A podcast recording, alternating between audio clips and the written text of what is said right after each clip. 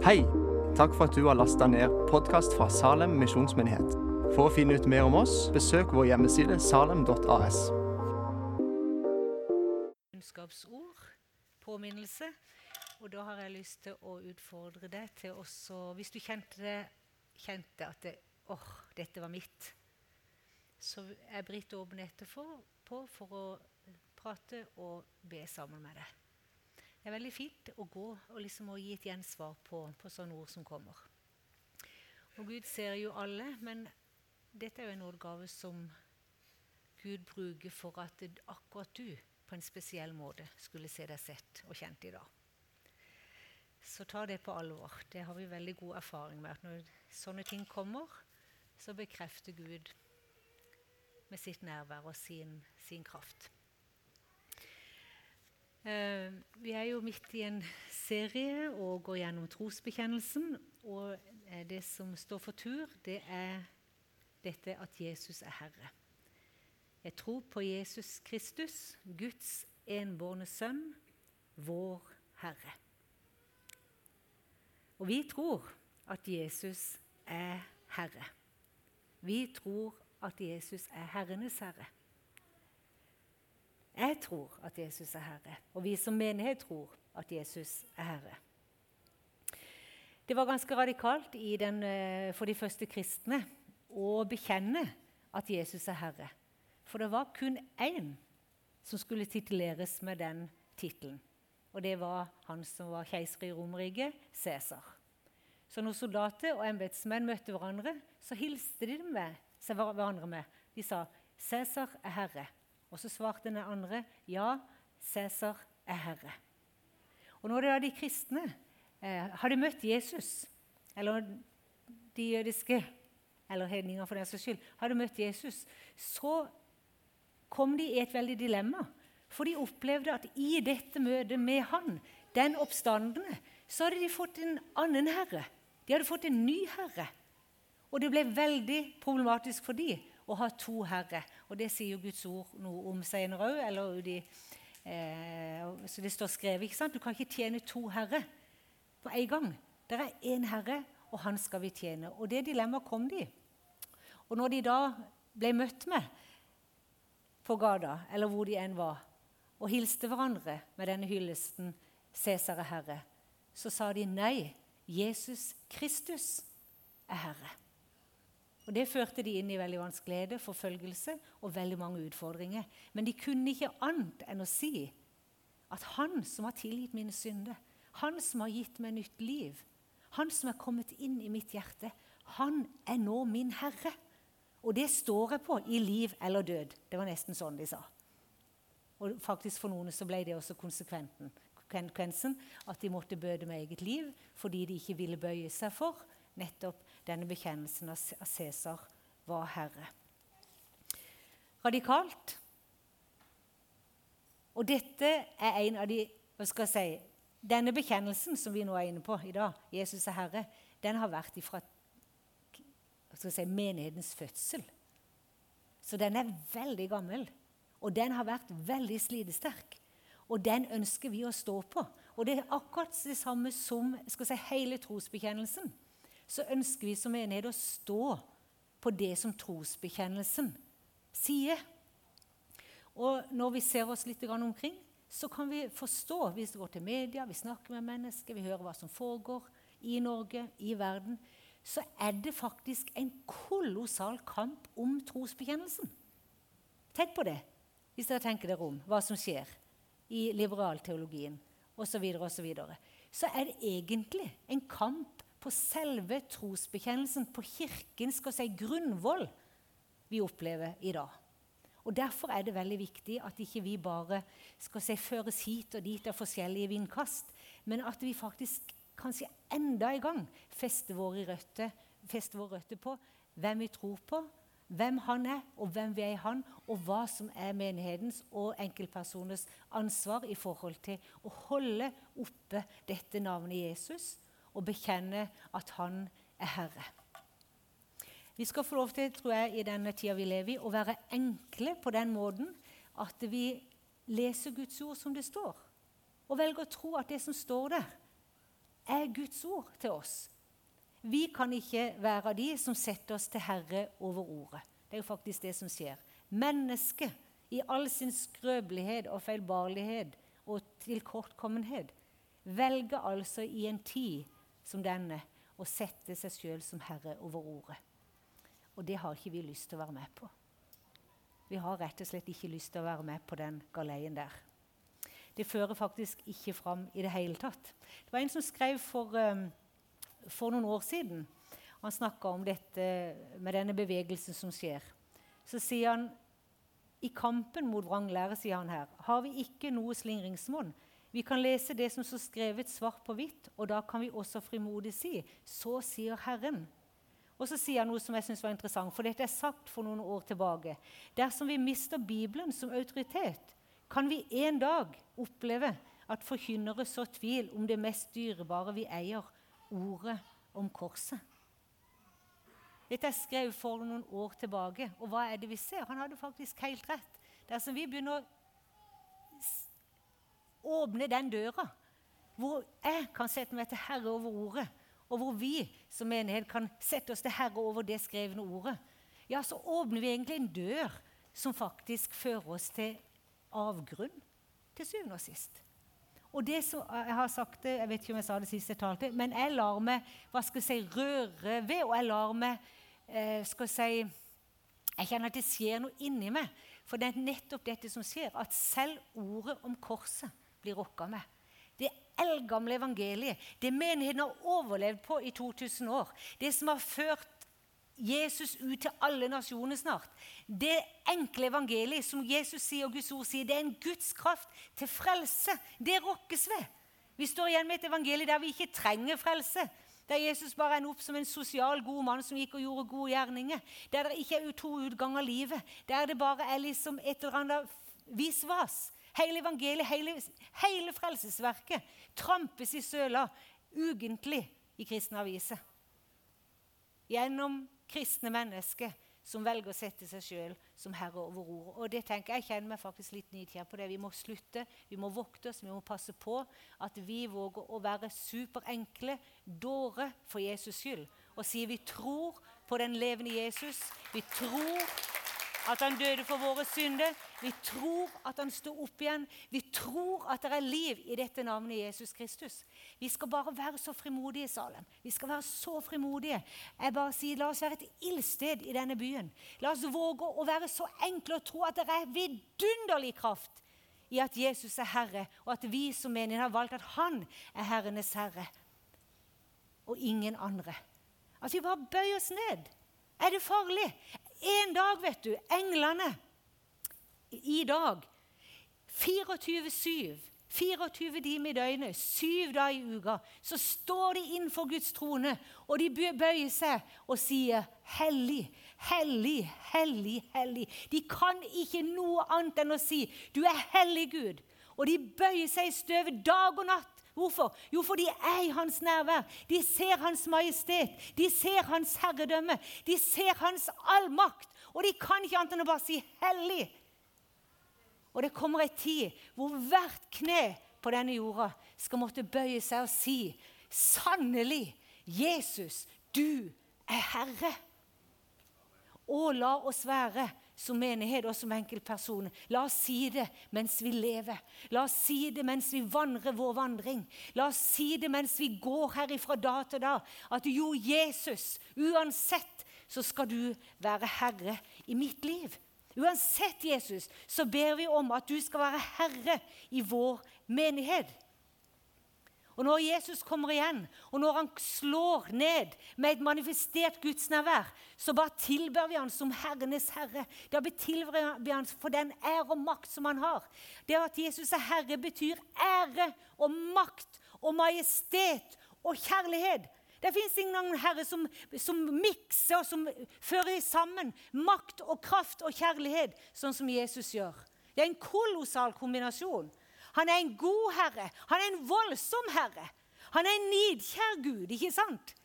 Han er hellig uten feil. Han tåler ikke synd. Og allikevel kjærlig og har bøyd seg ned til oss, så vi faktisk kan med frimodighet stå innenfor Guds trone og bøye oss inn for Han og si, 'Sannelig, Jesus, du er min Herre.' Og hvor fornøyelig det er å si det fra hjertet. ikke sant? Hvor godt det er å si det fra dypet av hjertet. 'Du er min Herre.' Og at vi sammen kan si som Salam, 'Jo, han er vår Herre.' Og godt det er når det kommer liksom innifra. Og at ikke vi trenger å frykte. For det er ikke farlig å si 'Jesus, du er min Herre', når vi har bøyd våre liv inn for Han. Det er ikke noe problem. Hvorfor det? For vi har sett Hans kjærlighet. Vi har sett Hans nåde. Vi har sett Han som har tilgitt all synd. Vi har sett Han som har rensa bort all skam. Og det er ikke farlig, for vi vet at når vi sier at Han er Herre, så er det i vår svakhet og i vår ydmykhet vi bare kan løfte vårt blikk og si 'Jesus, jeg har gjort deg til Herre' i mitt liv. Kan dere huske første ganger dere møtte Jesus? Kan dere huske første ganger hvor kjærlighetens eh, ånd bare slo ned i hjertet? Hvor du fikk se han, hvor du oppdaga 'jeg er tilgitt'. Du har tilgitt meg, Jesus. Jeg husker jeg sa 'Jesus, du skal få alt'. Og jeg mente det. Jesus, du kan ta alt. Du kan ta tida mi, du kan ta hjertet mitt, du kan ta livet mitt, du kan ta framtida mi. Du velger Jesus. Du er herre i mitt liv. Og det kosta meg ikke fnugget å si det. Hvorfor det? Jo, fordi kjærligheten hadde slått ned i hjertet. ikke sant? Det var ikke farlig. For jeg var helt sikker på, og jeg fremdeles, etter mange mange år, så er jeg fremdeles trygg på at å si 'Jesus, du er Herre', det kommer til å være det beste og mest dyrebare valget jeg kan ta. Og det mest dyrebare og vidunderlige valget som du kan ta, og som vi kan ta. Det er jo bare en sann jeg kjenner jeg blir full av lovsanger. Jeg blir så takknemlig. Jeg er jo bare så her, Tenk om vi kan si det og har opplevd 30-40 år. ikke sant? Og sier at jo, det er godt å ha Jesus som herre. Han tok ikke livet, han ga livet. Han gjorde ikke livet snevert, han åpna det faktisk opp. Å, vidunderlig Jesus er bare. Det er jo så trygt og så godt hvis vi bare tør å bøye oss inn for den levende Gud. Det er jo det som koster. Det koster kjøtt og flesk. Sant? Det koster alt vi har. Frelsen er gratis. Å leve med Jesus og vokse som en kristen og la han bli herre i det ene området etter det andre livet, det koster kjøttet. Det er jo litt sånn kjøtt og flesk-sentral linje oss. Det er det. Det er noe som ikke følger med på Guds vei. Noe som ikke behager Gud. Men han flytta inn mens det ennå var der. Er ikke det sterkt? Han flytta inn mens det ennå var der. Hvorfor det? Jo, sånn at vi kunne detronisere vårt eget kjøtt. Sånn at vi kunne i hans navn gi avkall på synd. så at vi i hans navn kunne gi avkall på det som stenger. Gi avkall på det som har såra oss, gi avkall på det som er skam, gi avkall på det som er mindreverdighet, gi avkall på hat og bitterhet, gi avkall på ugudelighet. Folkens, Vi må bare kjenne at han som vi fikk lov til å si ja til, han er blitt herre. Han har satt seg på tronen i mitt og ditt liv, og der skal han sannelig få lov til å være. Vi snakker om å forlate den første kjærlighet. Kanskje for noen så vil denne formiddagen være en sånn formiddag å si at wow, jeg føler faktisk jeg har plassert Jesus lenger ned i hjertet mitt. Jeg har holdt han utenfor noen rom. Vet du noe? Jesus inviterer seg sjøl i formiddag til å komme inn og være herre på alle områder. Hvis vi kan bare ha én herre. Han vil ikke at vi skal ha noen avguder. Det å være bundet opp i synd, det kan bli som en avgud. For vi kommer ikke til Jesus med det. Vi velger å leve i mørke rom. Vet du, Vi må omvende oss. Vi må bøye våre kne innenfor den hellige Gud. Vi må slutte å ha kort og skap og rom som ikke vi åpner døra til Jesus for, og tror at det skal gå godt. Vi kan ikke tenke sånn at det er liksom ikke så nøye. Vet du hva? Gud ser alt. Og han ser på alt med et blikk både av nidkjærhet og av kjærlighet. Så det er liksom ingen kompromisser i Jesus når det gjelder synd og leve i urenhet. Men det er heller ingen ende på hans nåde og kjærlighet når han ser på oss med sitt blikk. Og det er jo det som er så vanskelig for det gamle mennesket på en måte å holde opp sammen. Det trenger vi virkelig å få Guds nåde til å lande i våre hjerter, sånn at vi ser begge deler. At ja, om det har gått feil, om du har gått på en vandring og levd på en måte som gjør at menneskene rundt deg er i uoppgjort forhold til det, at du kjenner at du lever et skjult liv der inne når ingen ser det, og bare velger å være der. Kanskje så er det i frykt for hvordan vil Guds blikk se ut hvis jeg slipper han til. Hvordan vil det være når jeg bekjenner for en bror eller søster at jeg har gått på trynet, jeg lever sånn, og jeg kan ikke klare det lenger. Jeg oppfører meg sånn overfor den, oppfører meg sånn over kona mi, mannen min. Jeg kan ikke orke dette lenger, men jeg vet ikke hva jeg skal gjøre, for jeg finner ikke kraft i meg sjøl til å leve rett. Vet du, Da har du kommet på det punktet der Paulus opplevde også at han kom. At eh, min nåde er nok for deg. For kraften, den fullendes i hva da? I fullkommenhet? I svakhet. Det er fantastisk. Det er bare Guds rike som opp ned på vårt eget gamle menneske, der vi tenker vi skal fortjene og prestere. Mens han sier hvis du kommer med din svakhet, så skal du se at min nåde er nok. Og den kraften, den fullendes i det som er ditt nederlag. Kraften fullendes i det som er gått i stykker. Kraften fullendes i det du har kanskje strevd med i årevis å få til. Om du sier 'Jesus, du skal være herre på dette området'. Jeg ber om tilgivelse. Jeg ber om at du renser meg. Og jeg ser jeg må omvende meg. Og jeg vil be om tilgivelse til de menneskene som, såret, som har såra meg. Men nå ber jeg om at du må komme og fullende det som er svakt, med din kraft. Paulus sier, 'Derfor vil jeg helst rose meg av min svakhet'. Kan du tenke noe så opp ned? Det passer jo så dårlig. Men han sier det. 'Jeg vil helst rose meg av min svakhet'. Hvorfor det? For det er han som gjør meg sterk. For det er han kommer meg til hjelp i min skrøpelighet.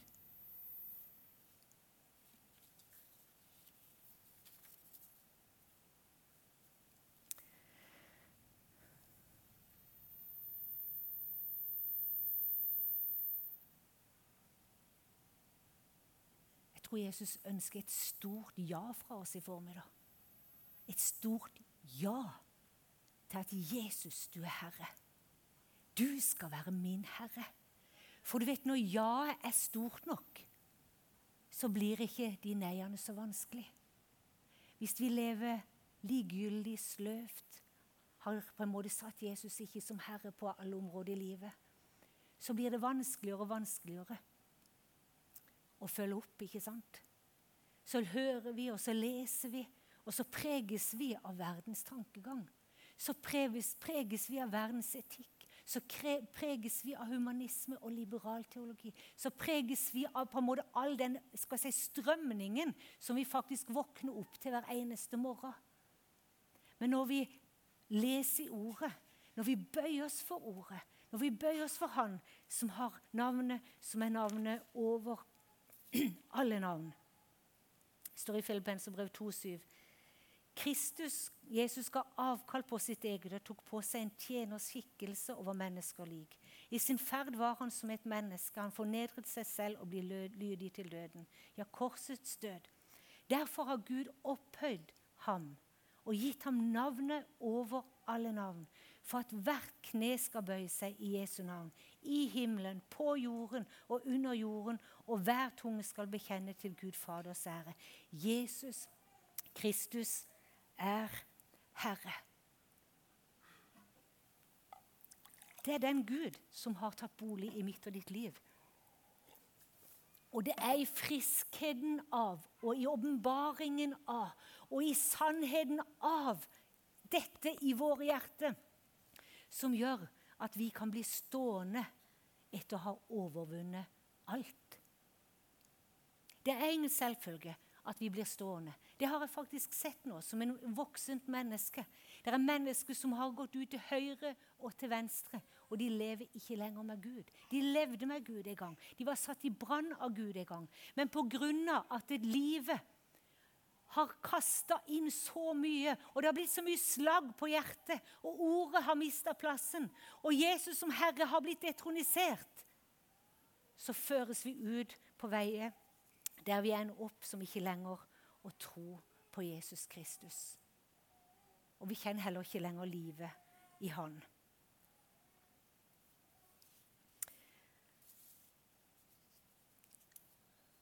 Vår Gud Han er universets herre. Hvorfor det? Jo, for Gud satte han som herre. Ikke sant? Han er universets herre. Han er herre over himmel og jord.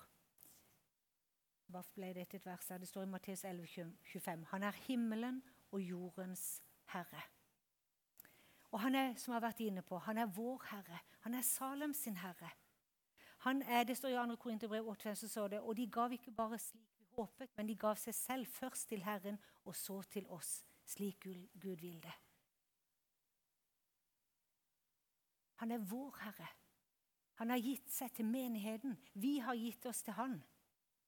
Og vi, og Jeg skulle bare ønske at vi sammen kunne gå ut av døra i dag og si jo, vi har gitt Jesus et stort ja i vår hjerte til Han som Herre og Frelser.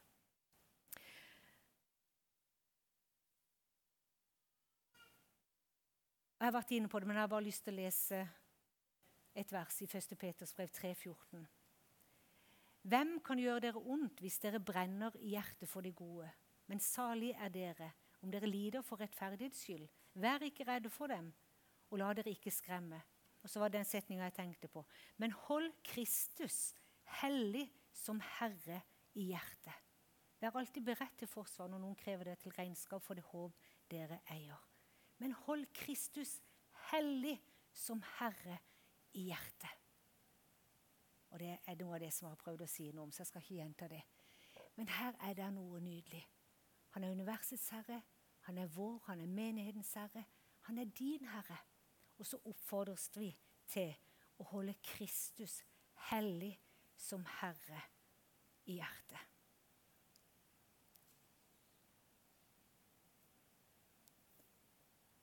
Står det også at han er høstens herre. Matteus 9,38. Be derfor høstens herre at han vil drive arbeider ut til sin høst. Og det er konsekvensen. Sånn blir det bare. At vi drives ut til høstarbeid når Jesus er Herre. Fordi vi får et helt annet perspektiv. Fordi han får lov til å regjere, fordi han får lov til å bestemme. Fordi han får lov til å være Herre i oss, iblant oss og gjennom oss. Han vant en evig seier. Det står i Kolosserbrevet at han det står i Kolosserbrev 2,14 at gjeldsbrevet som gikk imot oss pga. lovens bud, strøk han ut og tok det bort ved å nagle det til korset. Han avvæpnet maktene og myndighetene og stilte dem fram til spott og spe da han triumferte over dem på korset. Han seira over den gamle naturen vår. Han seira over fienden. Han seira over verden. Så han som er herrenes herre, han har tatt bolig i mitt og ditt hjerte. Så vi skal få lov til å kjenne at han er seierherren. I våre liv og gjennom våre liv. Din Herre, min Herre, vår Herre, universets Herre. Han er barmhjertig. Han er langmodig. Han er god, han er trofast, han er rettferdig, han er opphøyd, han er nidkjær, rik på kraft, underfull i råd. Han er vår frelser, han er vår styrke, han er vårt håp, han er vårt skjold, vår tilflukt, vår hjelper. Han hjelper de undertrykte. Han er rik nok for alle. Han er nær. Han er alle stedsnærværende. Han ser, han hører, han taler. Det er vår Herre. Han er vår Herre. Han er det som er vår Herre. Han er det som innbyr til fellesskap. Han er det som innbyr til å være sitte på tronen i vårt liv. Han er det som innbyr Salem til å si 'Jesus, du skal være vår Herre'. Han er den som innbyr oss til å drives ut til høstmarken som står moden, og drev ut av Han som er høstens herre. Han er, han er god, han er rettferdig, han er full av makt og herlighet. Han er full av kjærlighet og nidkjær for sitt vesen og for det som er hans tanke og planer. Amen. Vi skal ha nattverd, men før det så vil Ingvild og teamet lede oss inn Eller kanskje ikke lede oss, jeg har lyst til å bare spørre om vi kan la det synke litt, det som har delt? Kan du kjenne hvor jeg er i mitt liv? Jesus, hvor, hvordan står det til? Er det plass jeg må invitere han inn som herre? Er det ting jeg må ta et oppgjør med? Eller kan du bare sitte og fryde deg og ha lovsang i hjertet og si 'Jesus, du er min herre. Jeg har gitt deg alt'. Helt sikkert mange som kan det. Men kanskje er det også noen som i dag skal gå ut av dette lokalet og kjenne at byrden er letta av. At syndeskylden er rensa bort. At skammen har fått tonhaglemerka henne lagt på seg. Noen som får lov til å løfte blikket og se at jo, sannelig, han vil være også min herre. Uansett svakhet, uansett utilstrekkelighet, så vil han komme og være min herre. Så vil han komme min svakhet til hjelp. Så i brevbrevet at vi har ikke en ypperste prest som ikke har medlidenhet med oss i vår svakhet. Så sånn er vår Herre. Han har medlidenhet med oss i vår svakhet. Men han spør oss om vi vil åpne opp. Han spør oss om vi vil la han komme inn. Sånn er det. Så tenk. Vær innenfor Gud. Og så skal vi dele nattverd etterpå.